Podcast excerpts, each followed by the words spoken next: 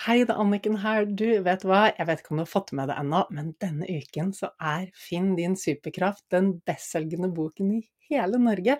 Altså, den ligger som nummer én på boklista, som er listen som eh, registrerer alle boksalg i hele Norge, i alle bokbutikkene. Altså, er ikke det gøy? Og jeg har svevd hele uken og varslet et sånn klyp meg i armen Altså, drømmer kan bli virkelig, du, når du bare jobber for dem og går for dem. Og jeg vet jo også at dette eventyret hadde ikke vært mulig uten deg. Din støtte har jo gjort at dette har vært mulig å få til. Og hele min mission med å skrive den boken og ha denne podkasten og gjøre alt det andre jeg gjør, er jo å få kunnskapen ut i verden. Fordi vi trenger den alle sammen. Alle trenger å lese boken. Fordi vi kan så fort sitte fast i eget hode og leve et liv som er bare halvparten av det vi egentlig kan få til når vi har gode verktøy og kunnskap om hvordan hjernen funker, hvordan hormonsystemet funker, hvordan vi kan trene mentalt for å få til hva som helst og skape det livet vi elsker å leve. Og du, to ting. Den 14. mai så inviterer jeg deg til lanseringsfest. Det er en digital lanseringsfest som er åpen for alle, og den skal holde sammen med Marius Sørli fra Heart Mentality. Han har vært inne her på poden på to episoder også. Fantastisk fyr, og vi skal dra i gang skikkelig god stemning, skikkelig fest, masse mentalt påfyll, du kan stille spørsmål og det morsomste av alt er at vi skal lodde ut en del premier. Det blir utlodding av eh, Ja, jeg skal ikke røpe alt, men blant annet så lodder vi ut et par billetter til den fysiske lanseringsfesten som er i Oslo uken etter der igjen. Og der kommer det jo masse folk du helt sikkert kjenner i min omgangskrets, og Torkel Færø, som har skrevet forordet til boken, skal også ha et bidrag på scenen. Og det blir god mat fra bl.a. Happy Foods og masse annet spennende. Så bli med på den digitale lanseringsfesten, så kan du også vinne en billett til den fysiske lanseringsfesten i Oslo, og den er da 21. mai. Og du, hvordan blir du med på den digitale lanseringsfesten? Du trenger å registrere deg, så jeg vet hvor mange jeg skal lage rom til i Zoom. Og da går du til annikenbinds.com, og så skriver du skråstrek digital strek boklansering.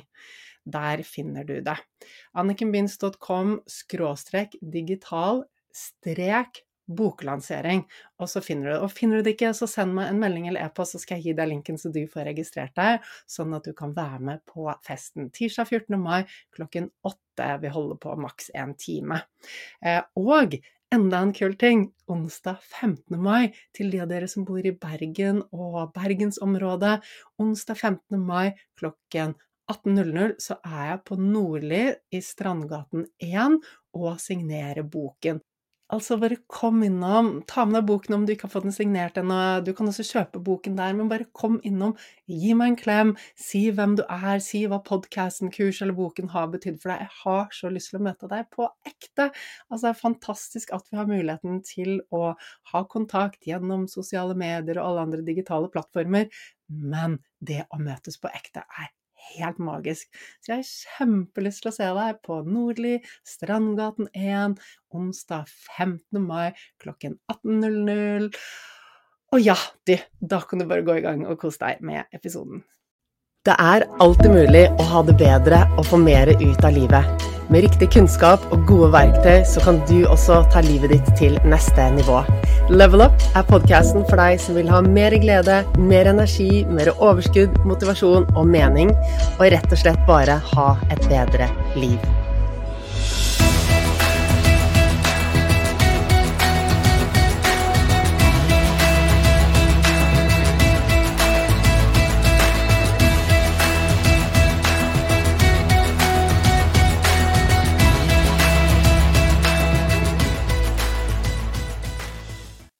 Hvilken ende skal vi starte når vi har en utfordring og ønsker å få det bedre?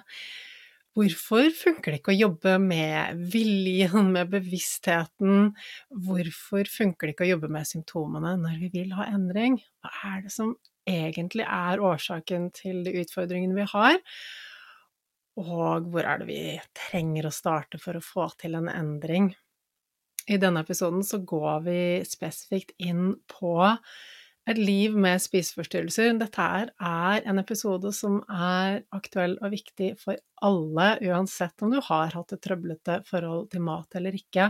For det er ikke maten det handler om, det er ikke kropp eller utseende det handler om. Det handler om det som finnes på innsiden. Jeg har vært så heldig og fått med meg Kristin som skal dele sin læring med deg i denne episoden. Og det hun har å dele, er viktig for alle. Alle som er interessert i hvordan vi mennesker henger sammen, hvordan vi mennesker fungerer, hvordan vi kan jobbe for å rett og slett ha det bedre og få mer ut av livet, og hvordan vi kan hjelpe andre. Det budskapet, den læringen du tar med deg fra denne episoden her, det gir deg livsviktig kunnskap som jeg vet du kommer til å ta med deg videre og bruke til å skape endring både i ditt liv og i andre sitt liv. Hjertelig velkommen til Level Up, Kristin. Det er så, så hyggelig at du kan være med her i dag. Tusen, tusen takk. Det er uh, virkelig en ære å være med på podkasten din, fordi uh, du og podkasten, altså kurset ditt, alt har virkelig betydd så utrolig mye for meg, og for at jeg er her jeg er i dag. Altså, det gjør meg så glad å høre, Kristin. Og vi har jo Nå føler jeg at vi har kjent hverandre ganske lenge. Vi har jo vært i, i kontakt liksom, på forskjellige plattformer gjennom en god stund, og mm. Ta del i reisen din. Uh, før vi dykker inn i dagens tema, har du lyst til å fortelle litt om uh, hvem du er, sånn at lytterne kan bli litt kjent med deg? Ja. Uh, ja, jeg er altså Kristin. 45 år. Eh, født og oppvokst i Oslo, men bor nå på Lillestrøm sammen med mannen min. Og vi har snart vært sammen i 27 år, så det, det sier vel egentlig to ting. Både at vi ble sammen veldig tidlig, eh, men også at vi begynner å bli voksne.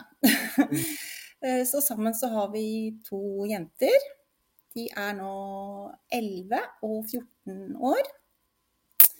Eh, opprinnelig så er jeg utdannet siviløkonom og har jobbet innen det fagfeltet ja, stort sett hele min karriere. Men nå driver jeg med noe helt annet. men det kan vi kanskje komme tilbake til litt ja. senere i episoden. ja, det blir spennende å høre, Kristin. Og det er jo Ja, vi er ca. like gamle og har barn på ca. samme alder, så det er jo veldig, veldig gøy. Um, og ja, jeg tenker at uh, let's dive in. Har du lyst til å eh, gå litt inn i liksom, hvor hele det Hvor alt dette startet, da? Det som du har jobbet med gjennom kurs og hele prosessen? Ja. Kan si min, eh, altså min ut, altså hovedutfordring har jo vært at jeg eh, veldig tidlig utviklet eh, en spiseforstyrrelse. Anoreksi. Det var tidlig i tenårene. Det er vel ganske klassisk historie, egentlig. Jeg var jeg var litt lubben på den tiden. Eh, og mine nærmeste venninner, de var slankere enn meg. Og eh, ja På den tiden, som for så vidt også er tilfellet i dag, så er jo eh, idealet i samfunnet en slank kropp. Så, så da følte jeg meg litt ja, egentlig mislykket, da. Som ikke så like bra ut som, som mine venninner. Og ehm, altså, tenårene er jo en veldig sårbar periode. Um, Utseendet er veldig viktig. Um, om, samtidig så er det jo en litt Det kan være litt vanskelig på flere måter. Og jeg hadde det ja, litt vanskelig selv på, på, noen måter. Og da så tenkte jeg da at hvis jeg bare ble tynn, da ville alt eh, løse seg. Da ville alle problemene bli borte, og jeg ville føle meg så bra. Mm. Eh, så da bestemte jeg meg for å begynne å slanke meg.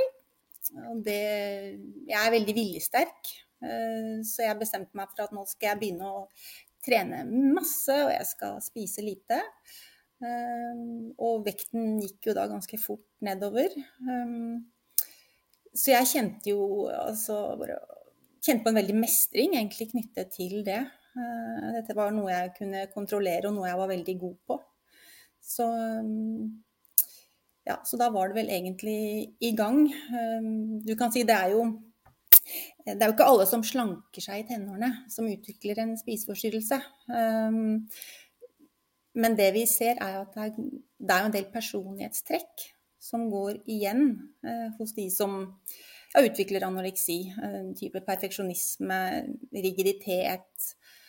Sånn flink pike, kanskje streng mot seg selv. Jeg har nok en type addictive personality. Altså jeg går veldig inn i ting jeg holder på med. Blir lett eh, besatt av ting. Eh, og dette ble liksom nå da min greie, kan du si. da, Det at jeg skulle bli tynn og da bli mm. eh, populær og være vellykket. Så det var mm. én ting. Og så eh, er det også flere ting som tyder på at jeg nok er predisponert eh, genetisk for å utvikle en spiseforstyrrelse. Som hvilke ting da, Kristin? Nei, det er det Altså dette går jo ofte i familien. Nå er det ikke spiseforstyrrelser i min familie, men det er andre ting som, ja, som man tenker har samme, eller at det går litt på det samme, da, kan du si. Så det som, mm. er, det som skjedde for meg da, var at når jeg eh, begynte å slanke meg og gikk betydelig ned i vekt, så eh, kan man på en måte si at undervekten i seg selv aktiverer gener som liksom slår på spiseforstyrrelsen. Yes. Um, dette er jo veldig interessant, altså epigenetikk. Hvordan livsstilen vår og altså miljømessige faktorer kan slå av og på gener. Um, du kan si det er, kan det både være positivt og negativt, men akkurat for meg da så slo det litt uheldig ut ved at, uh, at jeg fikk da en veldig alvorlig spiseforstyrrelse. Så, um, så du kan si dette, dette begynte jo for meg egentlig med at jeg skulle slanke meg for å bli lykkelig, for å bli populær, for å passe inn. Um, man er jo Det er jo veldig viktig når man er i tenårene, det å bli anerkjent i vennegjengen, uh, føle at man hører til, uh, føle at man ja, ser bra ut, uh, rett og slett. Så det begynte jo på den måten, men etter hvert så ble, gikk spiseforstyrrelsen over til å bli en mestringsstrategi, eh, vil jeg si. Eh, en måte å rett og slett takle livet på, da, som til tider er jo veldig utfordrende. Eh, og jeg er en person som har lenge i hvert fall følt at jeg må ha kontroll på alt. Og det er jo, som vi vet, mye i tilværelsen som ikke lar seg kontrollere. Mm. Og da ble det at jeg kunne kontrollere maten og vekten min eh, Det ble en måte for meg å føle at jeg hadde kontroll på tilværelsen på.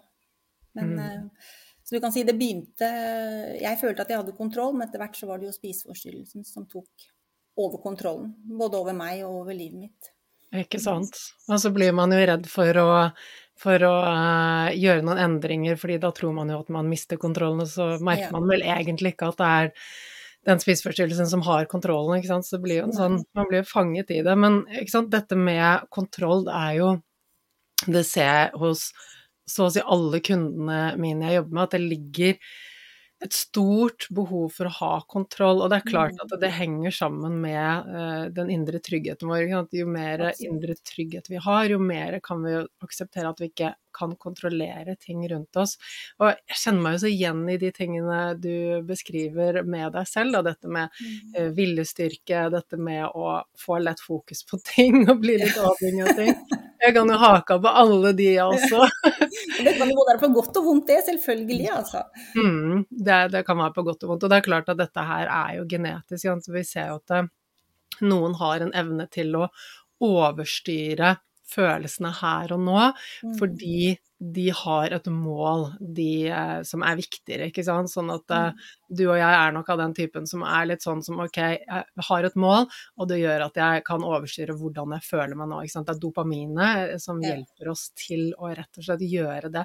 Og sånn er vi ulike genetisk eh, sett, og det er klart at noen er mer predisponert for å utvikle, for å utvikle eh, spiseforstyrrelser og andre sånne lidelser. Men akkurat dette med behov for kontroll, det ser jeg går igjen og igjen og igjen. ikke sant? Og ja, um, det er så mye som du sier i livet. Vi, vi kan jo ikke kontrollere livet. Det er jo liksom ting Vi, vi kan ikke påvirke eh, eller bestemme at det, sånn skal ting være, og forvente at det skal være sånn, fordi alt kan skje i livet. Men vi har et behov for trygghet, og da er det ok, hva kan jeg kontrollere? Da blir mat og trening og sånne ting Det er en veldig sånn lett tilgjengelig strategi for folk. Mm, mm. Og for min del også så følte jeg meg rett og slett mye bedre når jeg ikke spiste.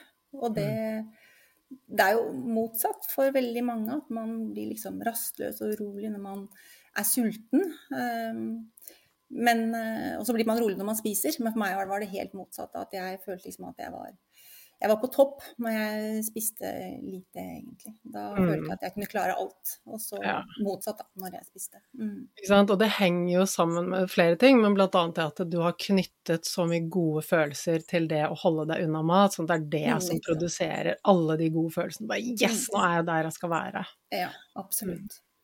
Mm. Ja, fortell mer, Kristin.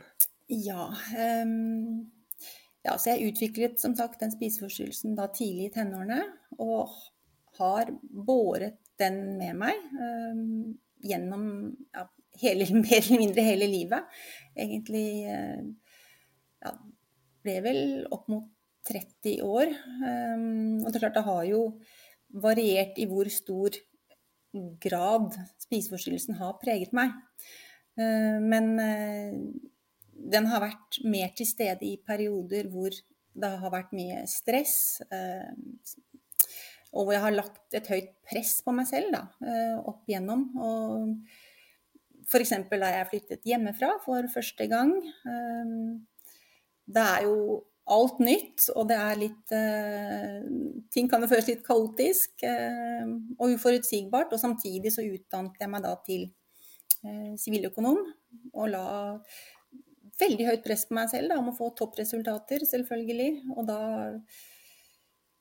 da trengte jeg på en måte spiseforstyrrelsen til å, til å takle hverdagen. Da. Og også det samme når jeg begynte i min første jobb eh, etter studiene. Eh, Da begynte jeg i Norges Bank. Det var min drømmearbeidsplass, og jeg var så glad når jeg eh, klarte å bli ansatt der. Men samtidig, da, da kommer du inn og skal liksom bevise hvor god du er, hvor smart du er. Og, ja. og det Da kan jo ting fort bli ganske vanskelig. Og eh, etter hvert så fikk jeg tilbud om å eh, jobbe et år i sentralbanken i London. Og da blir det samme, ikke sant. Du, jeg kom dit, følte at jeg representerte min arbeidsgiver, altså Norges Bank, og måtte jeg virkelig vise hva jeg var god for. Og eh, det er tøft da, når man legger eh, dette Altså stiller så høye krav til seg selv, for du kommer, du kommer ikke unna dine egne forventninger og dine egne krav til deg selv. Fordi altså ja, så det er eh, At det var et utrolig lærerikt år, selvfølgelig. Men, eh, og jeg hadde det veldig, veldig bra. Men også igjen da, så var det mye forutsigbarhet. Og, og jeg trengte på en måte trengte å ha spiseforstyrrelsen da, for å altså, komme meg gjennom dagene på den måten at jeg eh, jeg mister matlysten når jeg er stresset, og jeg føler meg bedre når jeg ikke spiser. Føler meg ja, på topp. Og da trengte jeg det i de eh, periodene, da. Mm. Mm. Så eh, mens du kan si altså i andre perioder hvor det har vært mer stabilt mer rolig i livet mitt, så, så har jeg ikke hatt så stort behov for den mestringsstrategien, da kan du si. Men jeg vil jo si at den eh, altså spiseforstyrrelsen har alltid vært med meg fordi eh, det har alltid vært en del altså, tanker og litt stress knyttet til mat, måltider. Eh, men det har uh, ikke i like stor grad. Altså liksom ikke preget meg i like stor eh, Mm. grad som, eh, som i andre mer stressende eh, perioder i livet mitt. Da. Ja. Mm. Og så altså er det jo ikke Ikke sant. Det her utviklet du da du var på ditt mest sårbare og ditt Ja. mest formbare, ikke sant. Den, Mm. de tenårene, da skjer det de største endringene i hjernen noensinne. Det er en sånn total omstrukturering, og vi bygger nye nervebaner. Eh, og det er klart at det, er det som eh, og, og det er jo, som jeg ofte sier, det er jo litt sånn vi er jo litt uheldige i det med at ok, her settes veldig mye av det som blir våre eh, go to-mønstre i hjernen. Mm. Og samtidig er det sant, alle de hormonelle endringene, så mye som skjer, og du går fra å ha hatt liksom, foreldrene dine som flokken din der du skal hente aksept, og plutselig skal du ha aksept fra hele samfunnet rundt deg. ikke sant? Mm. Eh, som, eh, ikke sant? Da vi var yngre, så var det kanskje bare klassen vår, men nå er det jo hele verden med sosiale medier. Tenk på for et press som legges på unge i dag. Og det viktigste i disse årene er å høre til flokken din og få aksept fra de rundt deg, vennene dine. Eh, og? Og den perioden så er vi sårbare. Vi, det skjer så mange omveltninger. Og, eh, og disse nervebanene blir da på en måte? For, for, Se for deg at det blir liksom sånn total liksom, omorganisering oppi hodet, og så, og så settes de nye mønstrene i hodet. Ja. Um, de, de, med mindre vi går inn og jobber sånn som vi nå jobber, sånn som du kjenner til etter hvert, så, så forsvinner jo ikke disse tingene. Det er klart at det, for mange så eh? Jeg ser at det for mange så hjelper det å bli eldre. Ikke sant? Man gifter oss og får barn og får mer perspektiv, blir klokere. Og for mange kan da liksom legge bort denne perfeksjonismen og usikkerheten. Ikke sant? Det er en naturlig utvikling. Det er jo ikke unaturlig at vi er usikre i tenårene, ikke sant? Eh, så jeg ser at for veldig, altså for veldig mange så, så er det en naturlig utvikling hvor vi blir mer sikre i oss selv. Men så ser jeg at det for like mange, nå har ikke jeg noe tall prosentvis på hvor mange som på en måte sitter igjen i de gamle mønstrene eller ikke, men jeg ser jo det at når jeg jobber med kunder, så er det de tingene som har skjedd på barneskolen, på ungdomsskolen, den følelsen de hadde da de var 14 år gammel, det er den samme følelsen de har inni seg når de er ute i verden og treffer folk, ikke sant. Og Mm. dette vet jo du, du har jo vært gjennom kurset mitt og, og kan dette nå, at eh, de, det vi lærer som barn og som, som ungdom, det tar vi med oss gjennom hele livet, med mindre vi bevisst går inn og endrer på det. Så den måten vi forstår oss selv og verden på, det, det er den samme gjennom resten av livet. Eh, Det kan endres, men da må vi også være bevisst på det og vite at ok, det her vil jeg endre på. Mm. Absolutt. Mm. Mm. Så ja, reisen din videre, Kristine. Dette er kjempespennende. Veldig nyttig alt du deler. Ja, nei, jeg vet ikke helt om jeg kanskje skal uh, hoppe litt i hvor jeg var når jeg kom over deg og kurset ditt. Mm. Um, for da var jeg ikke på et eh, bra sted, uh, verken fysisk eller mentalt. Uh, jeg hadde mm, byttet jobb eh, noen år tilbake. eh, over til en helt ny bransje. Og det er klart, da var eh, igjen var det veldig mye nytt, og det var også andre ting i forbindelse med det jobbbyttet som gjorde at det ble mye mer krevende for meg enn enn jeg hadde trodd. Og, og samtidig så hadde jeg på det tidspunktet eh, på en måte levd det jeg kaller et dobbeltliv, egentlig. Fordi jeg hadde båret med meg sykdommen eh, over ja, veldig mange år. Eh, og jeg hadde Eller i den perioden så hadde jeg stort sett eh, en for lav vekt, eh, rett og slett. Og det er jo en belastning og stress for kroppen. Altså når du over mange år ikke gir den nok eh, si, energi og næring, og det, det tærer på, samtidig som jeg da altså som bare tok en utdannelse, hadde spennende jobber som jeg gikk all in, selvfølgelig. Og du eh, ja, ønsker jo selvfølgelig å være sosial med venner, eh, ha et familieliv. Og når du har disse to parallelle livene, så, så tar det veldig på. Eh, og det går en lang stund, men etter hvert så blir kroppen Vi blir eldre. Og kroppen tåler ikke så mye lenger som det den gjorde før. Samtidig som du har den akkumulerte belastningen, kan du si. Da. Og jeg hadde også opplevd å bli mamma. Det er jo det mest fantastiske som har eh, skjedd meg, selvfølgelig. Det eh, var jo absolutt ikke problemfritt med min historie. Det var en uh, veldig lang og krevende prosess som ja, Hvor vi måtte få hjelp. God hjelp av Rikshospitalet.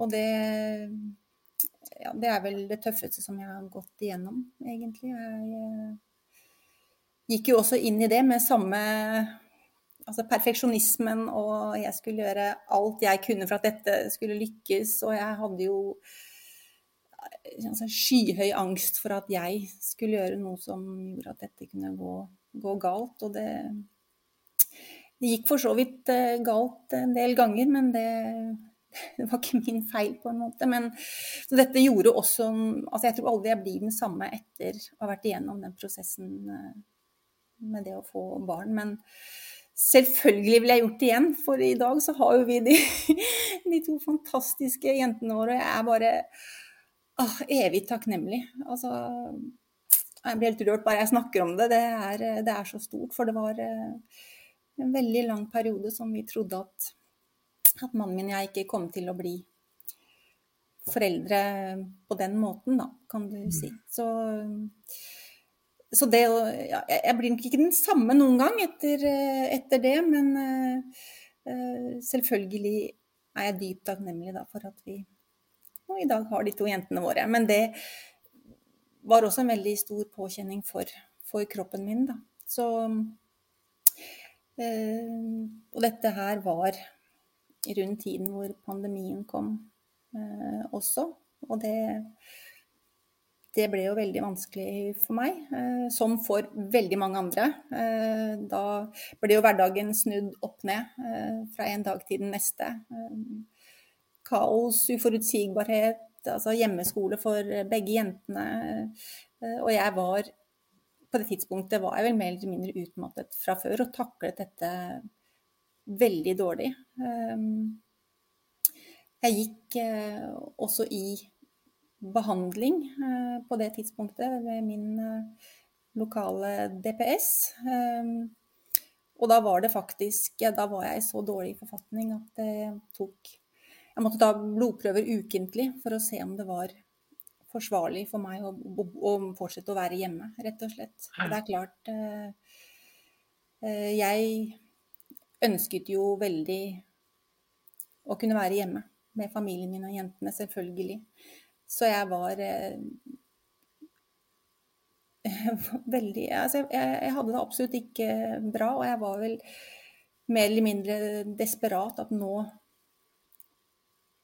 Nok er nok. Nå, nå må jeg gjøre et eller annet. Nå må jeg prøve å på en eller annen måte finne krefter til å gjøre noe med tilværelsen min. For nå Jeg kan ikke la spiseforstyrrelsen eh, altså ødelegge mer av, av livet mitt. Mm. Uh, og det var da jeg fant deg! så, og det er jeg så dypt takknemlig for i dag. Um, jeg kom helt tilfeldig over deg på sosiale medier. Um, og det var noe med, med budskapet ditt. Um, altså måten du formidler ting um, og la fram ting på som virkelig traff meg. Eh, du snakket selvfølgelig om eh, altså viktigheten av god selvfølelse, altså indre trygghet, indre styrke. Og da innså jeg jo at, at et viktig del av grunnen til at jeg ikke hadde klart å ta tak i mine problemer, da, eh, og også kanskje en veldig viktig grunn til at jeg havnet der i utgangspunktet, var jo at jeg hadde uh, lav selvfølelse. Uh, og jeg hadde vel egentlig aldri uh, reflektert så veldig over forskjellen på selvfølelse og selvtillit. men det er jo en veldig viktig forskjell. Eh, fordi selvtillit Jeg føler jo at jeg på mange måter har hatt en god selvtillit eh, gjennom livet. For det er jo veldig altså, situasjonsbestemt. Jeg jo, hadde jo erfaringer med at jeg var eh, Jeg klarte å oppnå gode resultater i studiene, studiene f.eks. Jeg gjorde en god jobb. Løste arbeidsoppgaven min på en bra måte. Så det er klart, på den måten så hadde jeg selvtillit på at dette er ting jeg får til. Men samtidig så la jeg jo da all min verdi i prestasjoner.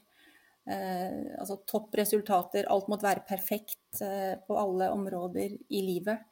Ehm, og når jeg innså det at mm, kanskje det er faktisk selvfølelsen min som jeg må, som jeg må jobbe med. Klart det, det, var ikke det at det var, det var ikke helt nytt. Men som sagt så var det noe med måten du eh, altså du, du, du, traff meg så med måten du sa ting på, da, kan du si. Um, og så hørte jeg jo om kurset ditt, uh, MyBoost, og tenkte at uh, åh, dette, dette, må jeg bare være med på. Um, samtidig som jeg var jo da helt utmattet, og, altså både fysisk og psykisk. Og jeg husker jeg sendte deg en mail hvor jeg spurte og forklarte liksom situasjonen min. Jeg skrev vel da at jeg følte at dette er noe som jeg, som jeg har veldig lyst til å ta, men jeg vet ikke om dette er riktig tidspunkt for meg å gjøre det på.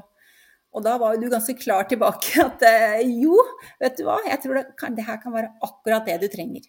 Eh, for dette er så viktig å jobbe med selvfølelsen og altså indre trygghet. Eh, og det hadde du jo helt rett i. Det var jo akkurat det jeg trengte og etter hvert som jeg tok kurser, så, så, skjønte jeg jo det at jeg hadde jo hele tiden jobbet i feil ende. Mm. Eh, jeg, hadde, jeg hadde jo i mange år jobbet for å bli bedre. Altså ingen ønsker jo å leve med en spiseforstyrrelse. Jeg ønsket jo å være en, um, en mamma altså for jentene mine som kunne være 100% til stede i, i livet. Um, jeg ønsket selvfølgelig å kunne ha en eh, jobb, eh, være sosial, altså rett og slett ha et normalt liv.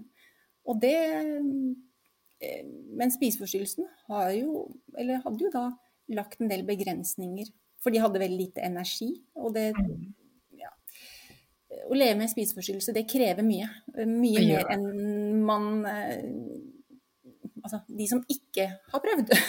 Jeg tror det er vanskelig å skjønne egentlig hvor hvor vanskelig det er å leve et sånt eh, dobbeltliv på en måte, da. Så... Det, er, det, er, ekstremt energikrevende. For det første er jo det at kroppen rett og slett ikke får den næringen og energien den skal. Så kroppen fungerer ikke optimalt. Men det er det den konstante Det å eh, presse seg selv til noe, det å skjule ting, det å være en annen enn den man egentlig er. Ikke sant? Fordi når mm. vi har spiseforstyrrelse, så er vi også redd for hva andre tenker om oss, ikke sant. Eh, og det er jo et, et, det er så energikrevende å gå ut på jobb, i hverdagen, blant venner, blant de andre foreldrene i klassen. Altså alle de settingene vi er i, hvor vi hele tiden på en måte må legge lokk på oss selv, passe på at vi er så perfekte som mulig. Eh, mm. og all den derre frykten, bekymringen som kverner rundt i hodet, det er så energikrevende. Ja, det er absolutt. Men samtidig, når jeg fikk den erkjennelsen da, at eh, det er kanskje en grunn til at jeg ikke har klart å komme meg ut av det, og det er at eh, Altså, nå er jo jeg en person som eh, skal klare alt selv, så jeg kom jo ikke i behandling for, for den spiseforstyrrelsen eh, ja, før jeg var nærmere 40 år. Um, jeg, for jeg tenkte jo hele tiden at jeg har kontroll på dette. Ja, det er vanskelig um, og veldig tøft, men på en altså, jeg kan nesten ikke forklare hvordan jeg kunne tro at jeg hadde kontroll, for det var jo veldig opplagt at jeg ikke hadde det. Men uh, Det er overlevelsesinstinktet ditt. Ja, det er vårt selv, selvbedrag. ja. Jeg, jeg, jeg, trengte jo ikke hjelp. Men etter hvert så uh, måtte jeg da gå til det skritt uh, og innse at jeg trenger hjelp. Og, men både jeg og da mine behandlere, vi hadde jo kun fokusert på symptomene. Altså, mm altså det at jeg hadde en for lav vekt, ehm, det at jeg syntes det var vanskelig å spise nok, Men det er klart, det er jo ikke der problemet ligger. Altså, når man har en spiseforstyrrelse, så handler jo ikke det om at man vil være tynn. Og når jeg innså at Nei, det, det, holder ikke å jobbe med symptomene, vi må gå til rotårsaken. Og rotårsaken for meg var den dårlige selvfølelsen, og at jeg uh, følte meg veldig utrygg i meg selv. Um, følte kanskje på noen måter at verden var et litt utrygt sted, fordi jeg tenkte jeg litt redd for at jeg hele tiden liksom skulle bli avslørt. At jeg ikke Selvfølgelig, ingen er jo perfekte, men uh, man ønsker jo i hvert fall framstå så bra som mulig, da. Eh, så, men jeg, samtidig da, så var jo det egentlig en eh, hva skal jeg si, lettelse også å tenke at eh, kanskje hvis jeg begynner å jobbe i riktig ende, hvis jeg begynner med selvfølelsen og bygger meg opp og blir tryggere i meg selv, er det kanskje et, er det kanskje et håp om at jeg faktisk etter alle disse årene kan bli bedre, og jeg kan skape meg et På mange måter et nytt liv. Og det var jo akkurat det kurset ditt uh, gjorde for meg. Jeg var jo med i den første runden din. Det er jo tilbake i begynnelsen av 2021, tror jeg. ja. Mm. Så det begynner jo å bli en stund siden nå. Klart, dette har jo vært en prosess som begynte da. Og så har den jo Det er jo en pågående prosess. Det er jo ja. sånn work in progress. Men Det skjer ikke over natten? Det skjer ikke over natten. um, og det var også veldig fint at du kommuniserte så tydelig det om at her er det ingen eh, krav eller forventninger om hvordan dette kurset skal gjennomføres. For det er jo, ikke sant, da går man jo rett tilbake til de gamle mønstrene at å, nå skal jeg gjøre dette kurset perfekt. Jeg skal gjøre alle oppgavene, jeg skal eh, høre på alle lydsporene, jeg skal være med på alle livesendingene. Og jeg tror at hvis jeg ikke hadde klart å legge det på en måte dødt, så hadde jeg mm. kanskje ikke meldt meg på i utgangspunktet, for jeg var ikke på et sted hvor jeg ville klart det.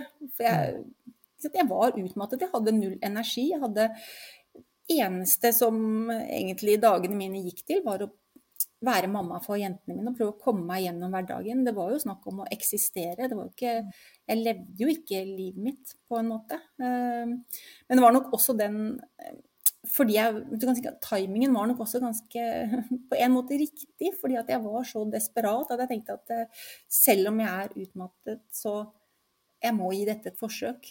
Og jeg ja, og, som sagt, det du snakket om, det, det traff meg virkelig da, rett i hjertet, og det ga meg håp. Og jeg tenker at det er så viktig. Um, for jeg hadde dessverre i lange perioder nesten mistet håp om at jeg kunne bli bedre. For jeg hadde levd med dette nå i ja, bortimot 30 år. Og det var mm. blitt en del av meg, av min identitet. Um, og det er veldig vondt å tenke på, egentlig, at jeg innimellom følte på den håpløsheten. Da, om at jeg ja. kanskje ikke at det fantes ikke noe annet og bedre liv for meg, egentlig. Det er jo det er jo det Altså, håp er jo det som holder oss i live, ikke sant, emosjonelt sett. Og når vi mister håpet, så er det det er som å bare sitte fast i en lang, svart tunnel uten noe lys i enden. Det er helt, helt mm. grusomt. Og så er det jo ikke så rart, som du sier, det har vært del av deg siden ungdomstiden, da eh, så mange ting ble liksom etablert i hodet ditt av disse mm. nervebanene. Um, og så hadde du jo, som du sier, du hadde prøvd ting, da, ikke sant? Og så mm. hadde det ikke funket. Og når vi prøver noe og det ikke funker, så er det lett å komme til den konklusjonen at nei, men da går det ikke. Da er det ikke noe jeg kan gjøre. Eh, og da, da, får vi litt på oss litt sånn skylapper og ser ikke at ok, men selv om jeg har prøvd én ting, så betyr det ikke at jeg har prøvd alt, og det kan være noe annet. Men da blir vi veldig sånn lukket og bare ok, men det er ikke noe håp. Og det å miste håpet er, ikke sant Ja, det er, det er noe av det verste. Mm. Mm. Virkelig. Og det har noe med når du er, sånn, når du er helt utmattet, da, så handler det om å måte, overleve. Da. Mm. Komme seg gjennom dagene der.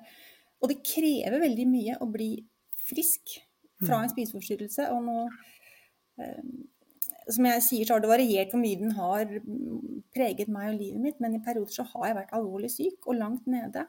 Eh, og da da er det vanskelig å se at det er mulig å komme seg ut. Men når, først da, når, denne, si, når, det håpet ble tent, da, da, er det jo liksom helt utrolig hva du faktisk kan få til. Eh, og når du har liksom håp, og du har troen på at ja, det er en mulighet, da, da på en eller annen måte klarte jeg å mobilisere de kreftene som skulle til for å komme i gang. For å mm. begynne å ta små skritt. Da. Og et viktig skritt var akkurat å melde meg på kurset ditt. Da. Mm.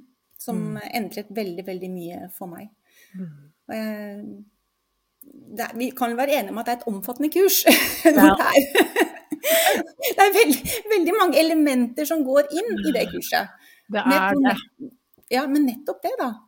At det er så omfattende. Du jobber på så mange plan, egentlig.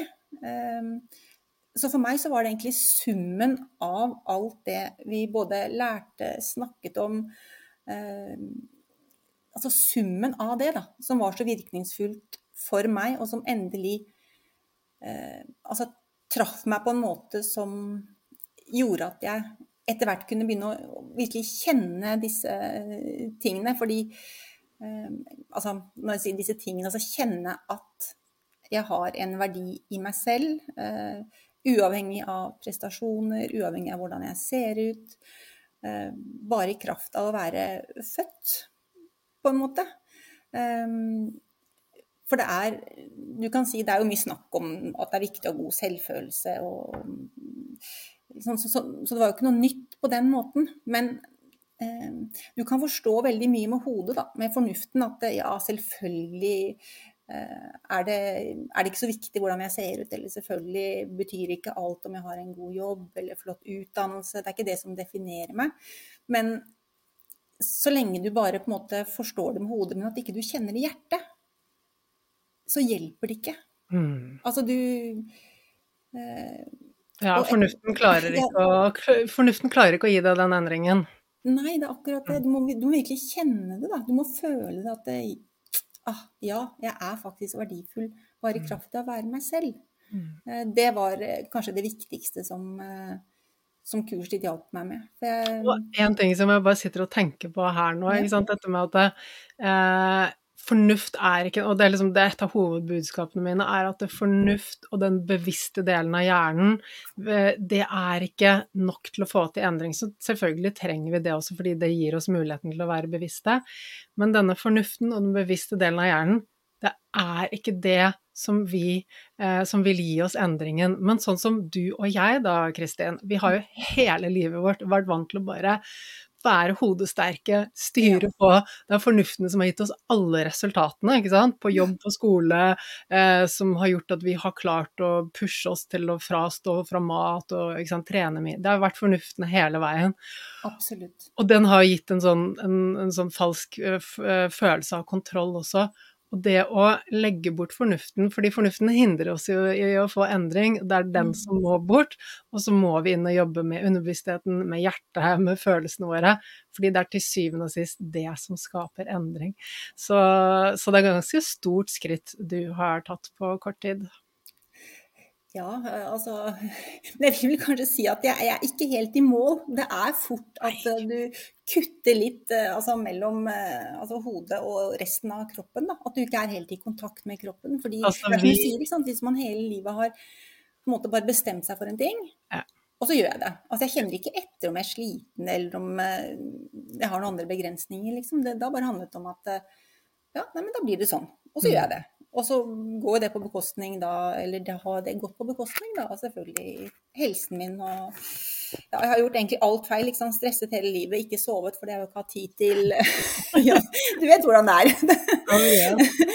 så det, men det er noe jeg virkelig jobber med fortsatt. Og én ting er å da kjenne etter hvordan man har det, men mm. også, også da eh, klare å lytte til det og handle på det. Og liksom skru av hodet på en måte da, om de planene du kanskje egentlig hadde. Og det mm. syns jeg, det med ærlig innrømme, syns jeg er kjempevanskelig. Ja, men det Fortsatt. er det. er det. Og jeg syns også Altså, jeg er heller ikke i mål med det, og det tror jeg aldri kommer til å være, fordi at det er en sånn kontinuerlig læringsprosess, og du får ikke avdekket alle de gamle mønstrene dine på en gang, ikke sant. Det er litt og litt, og så tar du med deg den bevisstheten. Og så plutselig så ser du deg selv i en setting hvor du bare Oi, nå driver jeg og pynter litt på sannheten, kommer med hvite løgner for at jeg skal fremstå som jeg er litt bedre enn det jeg er, eller Oi, nå bare kjørte jeg på og lyttet ikke til kroppen, egentlig. Så ikke sant? det er liksom de små øyeblikkene av bevissthet som mm. lar oss ta stilling til er dette sånn jeg vil leve, eh, eller er det ikke, er det i tråd med det livet jeg vil skape for meg selv, eller er det ikke, og så gir det oss en mulighet til å endre på det. Men før vi har blitt bevisst, så kan vi ikke endre på ting, og det er jo en prosess som vi kommer til å være i for resten av livet. Ja. Og det er jo kanskje jeg skal begynne å snakke litt om eh, de ulike elementene i kurset mm. ditt som, mm. Eh, som hjalp meg liksom, ja, til å komme hit jeg er i dag, så er det akkurat det som vi snakker om nå. At du Vi har alle eh, en god del ubevisste både tanke- og handlingsmønstre som vi har gjort i alle år, og vi ser ikke helt selv lenger. Men eh, det da å jobbe med å bli bevisst hvordan man agerer i ulike situasjoner, hva, ja, og hvordan man tenker, da, ikke minst, så da har man mulighet til å gjøre noe med det. Da kan man stoppe opp, faktisk, og tenke, eh, tenke gjennom, sånn som du sier, tar dette meg nærmere det livet jeg ønsker å leve, eller er det motsatt? Og så kan man jo da ta valg basert på det. Um, så det å, bli bevisst er jo en forutsetning for å kunne få til endring, faktisk. Og uh, en annen ting som uh, jeg også syns var veldig interessant, er jo hvor mektige tankene våre er. Altså det vi har i hodet, det vi tenker om verden, det vi tenker om oss selv. Eh, fordi det bestemmer hvordan vi føler oss. Eh, og hvordan vi føler oss, det, eh, det avgjør jo altså handlingene våre. Ja, hvordan vi agerer da, i ulike situasjoner, rett og slett. Og det er jo summen av handlingene våre, det er jo livet vårt. Så, så, det er noe med at eh, vi er nødt til å bli bevisst tankene våre. Eh, for, fordi det, har så, det, altså har jo, det er helt avgjørende da, for det livet vi faktisk lever. Eh, og det hadde jeg aldri tenkt på før. Nei, ikke sant? det er helt nytt. Selv om det er jo opplagt. Altså sånn, det er jo ikke at det er noe revolusjonerende, men det er hele tiden den bevisstgjøringen. da mm. om disse tingene. Og, og, også det at eh, Som også var veldig viktig, er, eh, er at de tankene jeg har i hodet, de representerer ikke nødvendigvis sannheten. Mm. Tankene mine er et resultat av mine erfaringer, eh, mine opplevelser hittil i livet, og er på en måte si, Det er min virkelighetsoppfatning, da. Måten jeg ser verden. Og når du Eller når jeg faktisk fant ut at hm, det er ikke, tankene mine er ikke nødvendigvis sanne. Altså det, dette er mine tanker, og kan begynne å stille spørsmål ved det. Er jeg sikker på at det er sånn? Eh, kanskje ikke. Så ja, igjen veldig revolusjonerende for meg. Men, Men det her har vi jo ikke lært. Vi har jo ikke lært det på skolen, vi har ikke lært det av foreldrene våre. Vi, vi, har ikke lært å forholde oss til det som er i hodet. Vi, vi, må jo bare anta at det er sant, ikke sant, og styre ja. etter det. Så ja, det er jo, er jo snu verden eh, helt opp ned, er det ikke det, Kristin? Jo, absolutt. Og, de, og, en annen ting også som jeg må si provoserte meg egentlig ganske til å begynne med, da, som du, som du snakket om. Altså både i kurset ditt og på sosiale medier, altså podkasten og alt, er, det er det med at eh, det er faktisk jeg som har makten i mitt liv. Mm.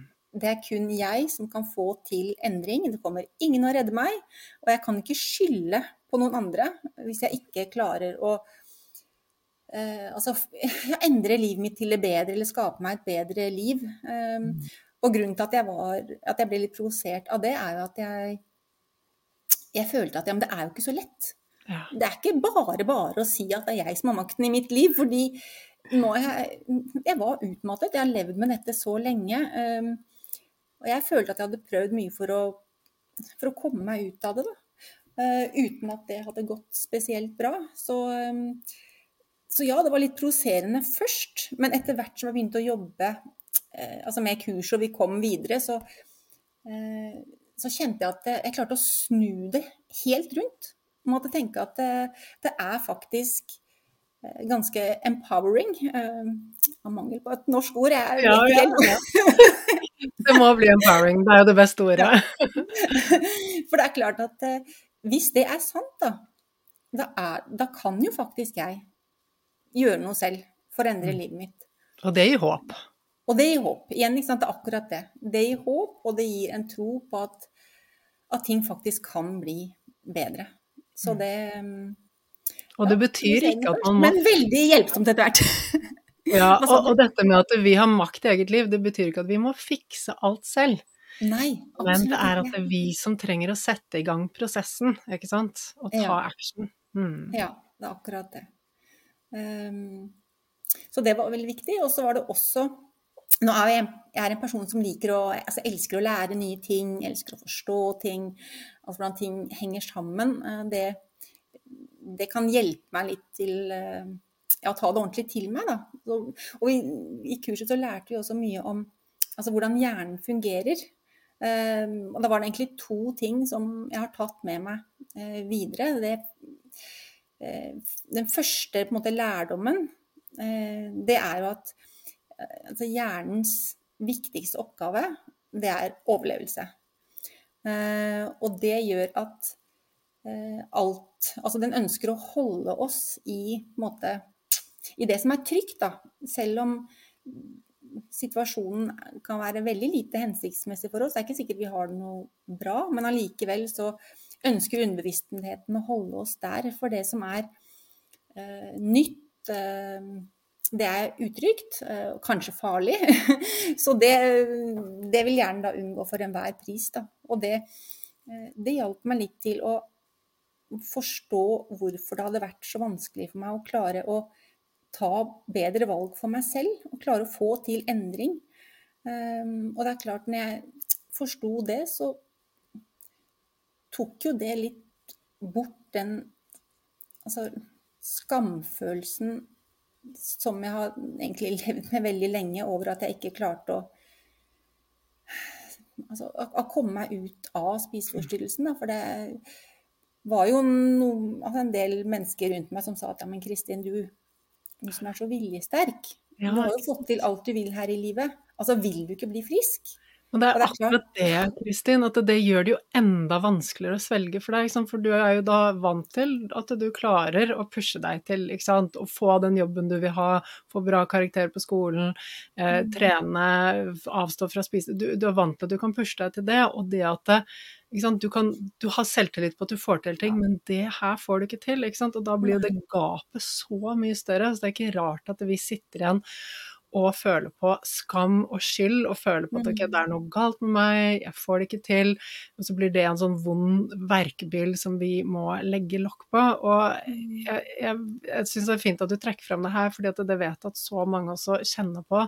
Og det er jo liksom hele nøkkelen bak endring er at det har ikke noe med vilje å gjøre, vi må legge bort viljestyrken, og så må vi jobbe i dybden.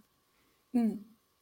Du kan jo tenke hvordan det fikk meg til å føle meg når jeg da fikk kommentarer av 'vil du ikke være en bedre mamma for jentene dine'? Ah, Vil du ikke ha energi til å kunne gjøre alt du ønsker sammen med de? det gjør vondt. Ja, det, Mm. jeg har nesten ikke ord for eh, hvordan det treffer. Eh, Mm. Klart, samtidig så følte jeg at altså, det eneste livet mitt nesten besto av en periode, var jo akkurat det å være mamma for jentene. Det var liksom min første prioritet eh, over alt annet. Mm. Um, så det, altså det traff så veldig og var så vondt. Um, og fyrte under skam og skyld til de grader. Og som vi vet, altså skam og skyld er ikke det som kan hjelpe oss til å få til endring. Snarere tvert imot. Det bygger oss enda mer ned. uh, og gjør det kanskje enda vanskeligere å klare å mobilisere de kreftene som skal til. Da. Det gir deg jo lavere selvfølelse, og det er Ja, selvfølelsen som er det som driver alt, ikke sant? Det er akkurat det. Mm. Ja. Så det, ja, så var det også en annen ting, når jeg er, først er inne på hjernen. Ja. det, det med eh, det med at altså, også er relatert til det med at hjernen eh, skal holde oss i live. Men det at det, eh, hjernen hele tiden skanner om, omgivelsene for negative ting, da, egentlig. At du legger merke til alt som er negativt, i mye større grad enn det positive. Og det ga jo egentlig meg litt inntrykk av at det var veldig mye negative og triste ting i livet mitt. Um, og vanskelig ja, vanskelig å se egentlig det positive. Men igjen, liksom, når man blir bevisst at dette er faktisk den måten hjernen fungerer på, så kan man jo da velge å snu fokuset, da. Liksom prøve å se etter det positive. For selvfølgelig hadde jeg også veldig mye positivt i livet mitt, og ekstremt mye å være takknemlig for. Men du, da må man på en måte aktivt gå inn for å se etter det. Eller jeg måtte i hvert fall det på det tidspunktet, siden jeg da var så langt nede. Og det, det hjalp meg faktisk til å Hva skal jeg si? Eh, for jeg jo, hadde jo i veldig lang perioder hatt veldig mye indre stress, mye bekymring. Eh, eh, og det at jeg da klarte å snu fokuset til å se litt mer mot det som var positivt, det hjalp meg til å redusere litt på, på akkurat dette, da, det indre stresset f.eks. Og da Vi vet jo begge at indre stress det tar veldig mye krefter, og veldig mye av kapasiteten vår. Så det var også noe av det som da i hvert fall et, en bit da, av det som ga meg energi til å orke å Eller klare å mobilisere til å ta tak i livet mitt og, og skape meg et bedre liv. Mm. Mm. Så det er så mye her. Eh, som, er, kurset ditt er, er virkelig veldig bra. Jeg sitter jo her med gåsehud når du forteller alt det du forteller. fordi jeg, nummer én, jeg er så takknemlig for at du kom inn i livet mitt akkurat der og da. Jeg tror timingen var riktig. Takk i like eh, måte. og så er jeg så glad for den utviklingen du har vært gjennom. Ikke bare fordi det har hjulpet deg, men fordi jeg vet at du bringer det her eh, videre også, Kristin. Ja. Så det, ja. Absolutt. Jeg har bare lyst til å si én ting til som er veldig viktig mm. med kurset. er uh, det at det, det hjalp meg til å bli kjent med meg selv. Hvem, uh, hvem jeg faktisk uh, er. Fordi jeg utviklet jo en spiseforstyrrelse da jeg var veldig ung, 13 år. Da er man mer eller mindre et barn. Altså personligheten er jo ikke ferdig utviklet. Det er veldig mye som ikke er på plass. Så det mm. at vi i kurset da jobbet med å identifisere verdiene våre um, Altså hvem Det hjalp meg til å begynne prosessen med å finne hvem er jeg uten spiseforstyrrelsen. Ja. Altså hvem er Kristin? Hva er det som er viktig for meg i livet mitt? Uh, uh, ja, hva er mine verdier? Uh, og etter hvert som jeg jobbet med det, så For det første så bygger jo det selvfølelsen. Og det, mm. det gjorde jo at jeg etter hvert ble liksom mye tryggere. Altså hvem er jeg, og hva er det jeg står for? Um, og når man blir tryggere i seg selv, så er det også lettere å sette grenser, f.eks. Uh, og si nei til ting som man egentlig ikke vil, fordi um, ja, altså man, man, innser at uh, altså mine verdier er like viktige som alle andres. Er dette jeg står for? Dette er det som jeg Eh, den jeg er, og som jeg kan basere mine valg ut fra. Da. For det har liksom alltid vært veldig viktig for meg å bli godt likt av alle. Eh, jeg har vært veldig opptatt av hva andre tenker om meg. Eh, men når man blir tryggere i seg selv og blir mer bevisst på egne verdier, så, så er det faktisk ikke så viktig lenger hva andre mm. tenker. Og det er, det er helt revolusjonerende. Det er virkelig så Det er så befriende at man Det, det trenger ikke jeg å ta hensyn til. Mm. Altså, jeg er meg, og det er mer enn bra nok. Mm. Eh, jeg kan legge bort perfeksjonismen. Jeg trenger ikke å være så opptatt av hvordan jeg fremstår, fordi jeg er trygg i meg selv. Jeg eh, er stolt av meg selv og hva jeg har fått til. og etter hvert vært en lang prosess, men jeg har blitt glad i meg selv. og det er jo helt, helt fantastisk. ja, det er helt gåsehud. Det er helt, eh, helt, helt fantastisk, Kristin. Og tenk på hvor mange som har det akkurat sånn som du hadde det før, og som jeg også hadde det før. Altså, jeg hadde jo lav selvfølelse i årevis og klarte å bygge meg opp en god selvtillit etter hvert, men selvfølelsen, det, den, den var lav frem til jeg mm. begynte å lære om dette og begynte å bruke de prosessene som jeg har puttet inn i kurset. Så tenk på hvor mange som har det akkurat sånn, og som virkelig bare hvordan verden hadde vært annerledes hvis vi hadde fått dette inn på skolen. Og... Ja. Åh. Ja. Og det må jeg jo si at eh, det er jo en veldig viktig grunn til at jeg er med på podkasten din i dag. For det er klart at uh, dette er uh, et langt skritt utenfor min komfortsone. Um, det er uh, Altså det vi snakker om i dag, det er jo litt sårt for meg å snakke om. Litt vanskelig å dele så ærlig som jeg gjør nå. Men samtidig så er, det, er jo dette en historie om håp. Yes. Og, da, og det, er derfor, det, er grunnen til at jeg er her eh, i dag. For jeg ønsker å, eh, hvis mulig, da, prøve å inspirere eller gi håp til andre som eh, har utfordringer som de har levd med lenge, og som eh, de kanskje ikke ser en vei ut av. Eh, at jeg er her og da forteller min historie med hvor, altså hvor, viktig det er å ta tak i utfordringene i riktig ende. Ikke sant? Mm. Ikke bare, man, man, får ikke til varig endring og jobbe med symptomene. Du er, nødt, du er nødt til å bygge deg opp innenfra, altså bygge god selvfølelse. Og få denne tryggheten i deg selv, da, den indre styrken. Og hvis du jeg tenker at uh, god selvfølelse, på en måte, også, også den egenkjærligheten til deg selv, da, det er virkelig grunnlaget eh, for å ha det bra i livet.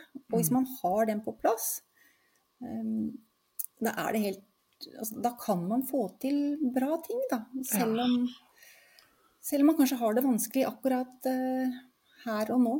Så, og jeg bruker jo faktisk mye av det jeg lærte i kurset ditt, det bruker jeg jo i dag i jobben min. Eh, for jeg er litt mer om det. Ja, gjerne. Eh, for jeg jobber i dag som frivillig i ROS, altså rådgivning om spiseforstyrrelser.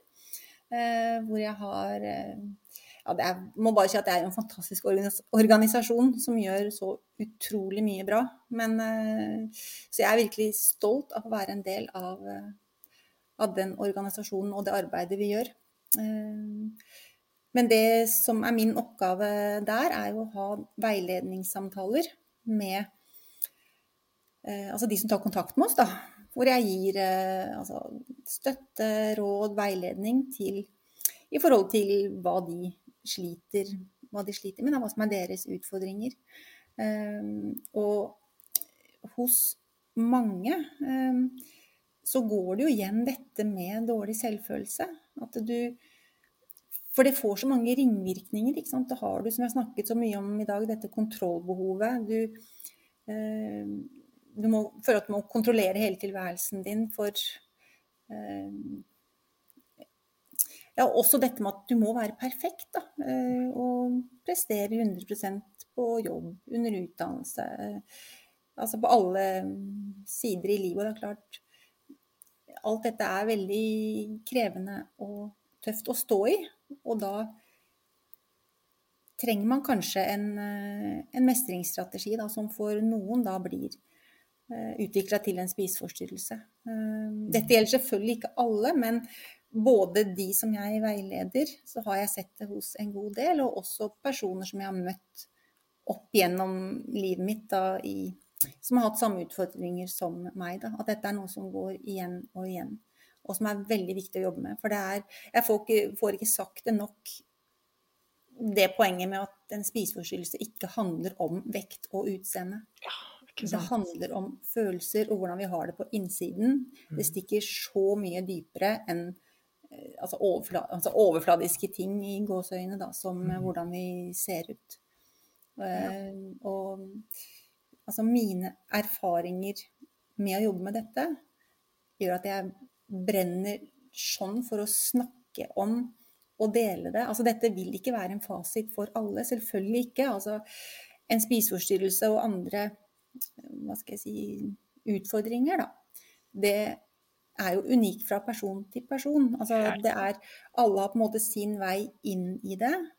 Uh, og det arter seg på forskjellige måter fra person til person. Så jeg sitter ikke på noen fasit på noe som helst mulig måte. Men jeg tror at veldig mange både med utfordringer og ikke, ville hatt veldig stor nytte av å jobbe med disse tingene. Med å bygge god selvfølelse og indre trygghet og indre styrke. Det er jeg nesten helt sikker på. Ja, det er jo nøkkelen til å, til å ha et godt liv, og det er jo det er nøkkelen til, til, alt. Og det er klart at vi er ulike av person. Eh, vi har ulik bakgrunn, vi har vært igjennom ulike ting. Eh, for noen eh, så handlet det kanskje bare om en kommentar man fikk, lav selvfølelse. For andre kan det handle om å vokse opp med stor grad av omsorgssvikt, vært i mm. familie med krangling, alkohol og sånne andre sånne ting som påvirker oss. Men, men felles da er at det er alle de tingene som vi da har opplevd gjennom barndomstid og ungdomstid, som kanskje har påvirket oss til å eh, til å utvikle da, en spiseforstyrrelse felles er jo at det, dette her er feillæring, ikke sant.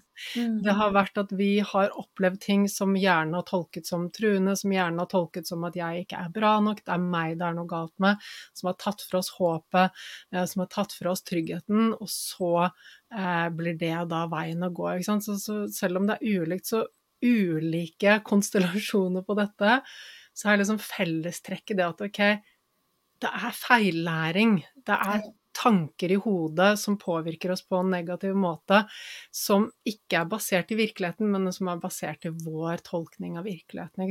Du, da du var tenåring, så følte du at du, ikke, at du ikke var like bra nok som de andre venninnene dine. Og jeg kan vedde på at de andre venninnene dine også satt med den samme følelsen, at de ikke var bra nok.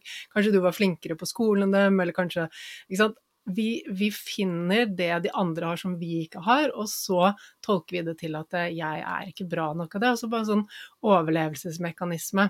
Mm. Hjernen er ute etter å se er det noe som er farlig.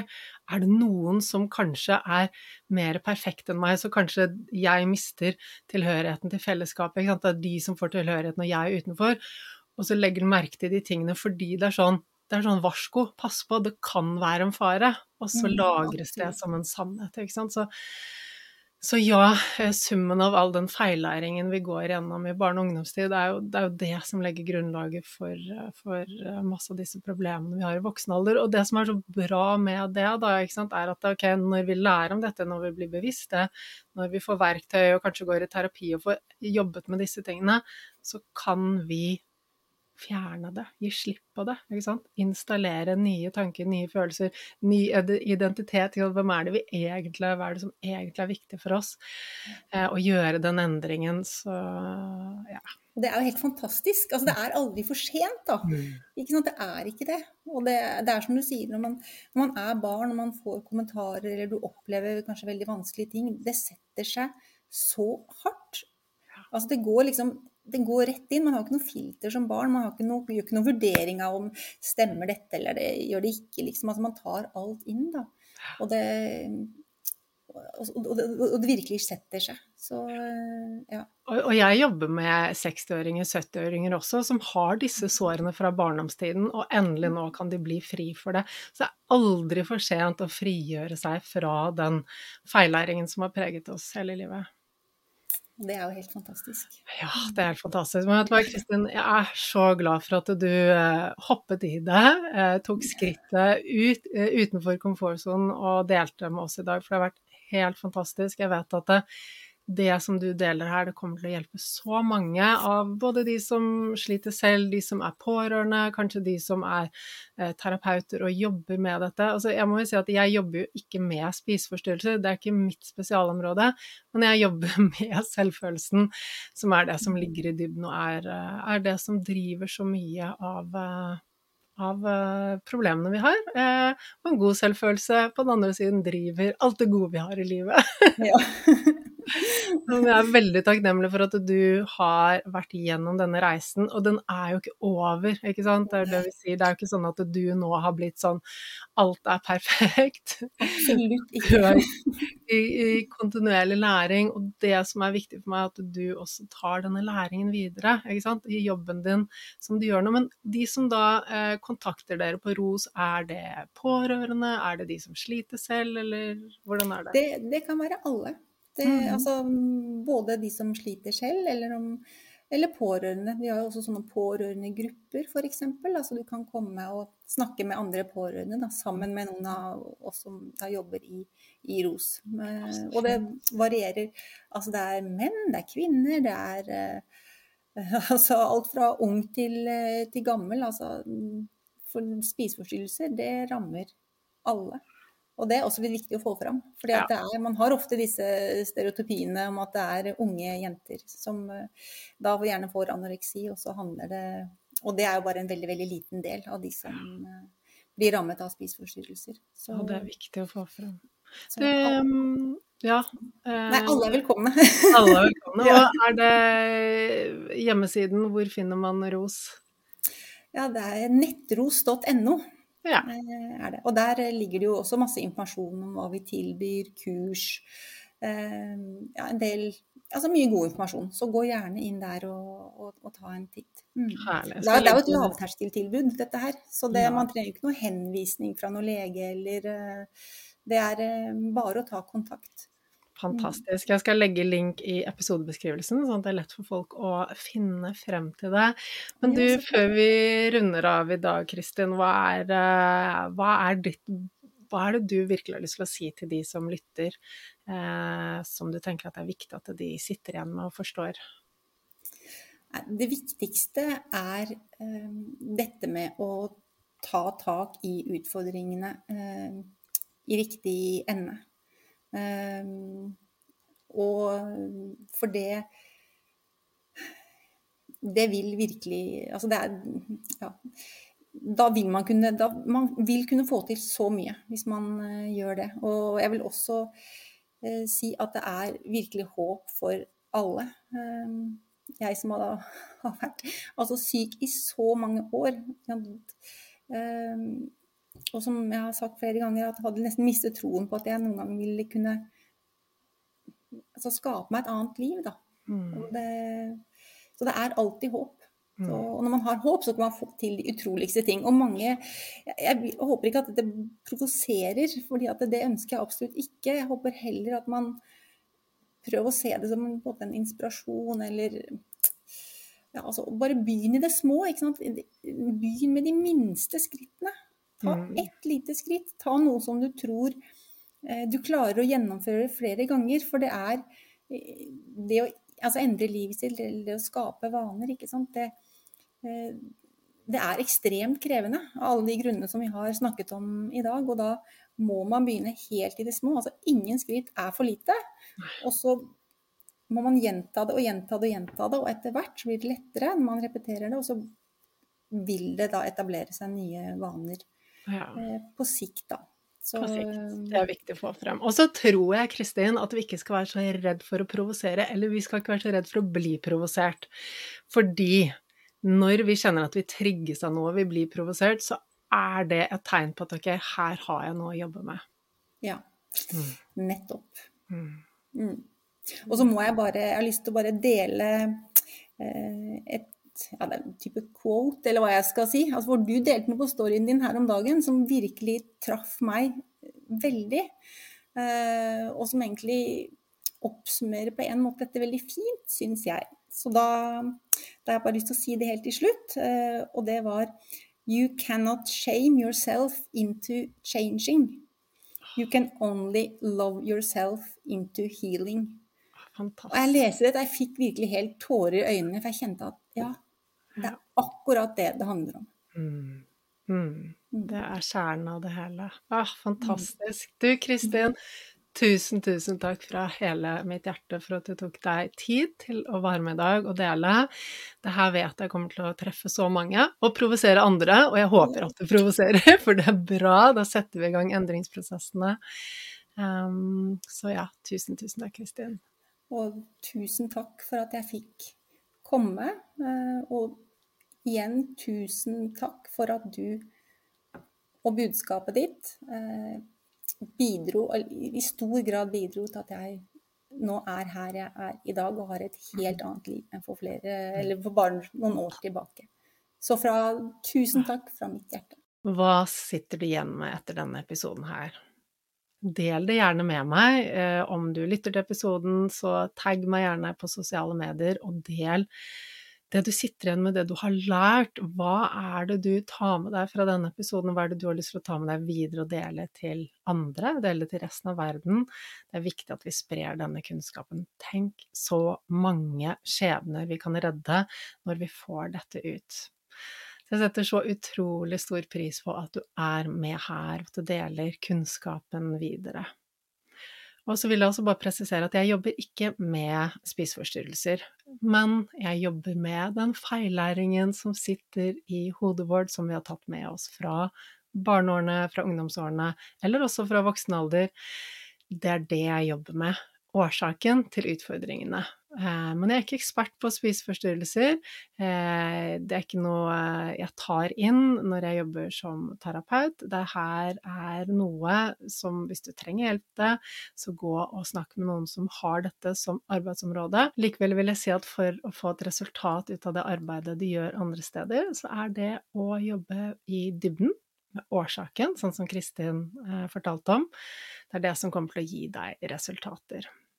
Og du, jeg skal ut og ha sommerferie, og det håper jeg du også skal ha. Og fordi jeg er så opptatt av at vi skal koble av, la hodet og kroppen få restituere, så tar også podkasten pause nå resten av juli og er tilbake i august. Så med det ønsker jeg deg noen nydelige sommerdager. Og eh, en liten ting til. Noe av det viktigste vi gjør for å lære, er å repetere. Så om du har tid og rom i sommer, så anbefaler jeg deg å gå tilbake og repetere de andre episodene, sånn at du virkelig får inn læringen. Så du ønsker deg en god, god sommer, og ses igjen i august.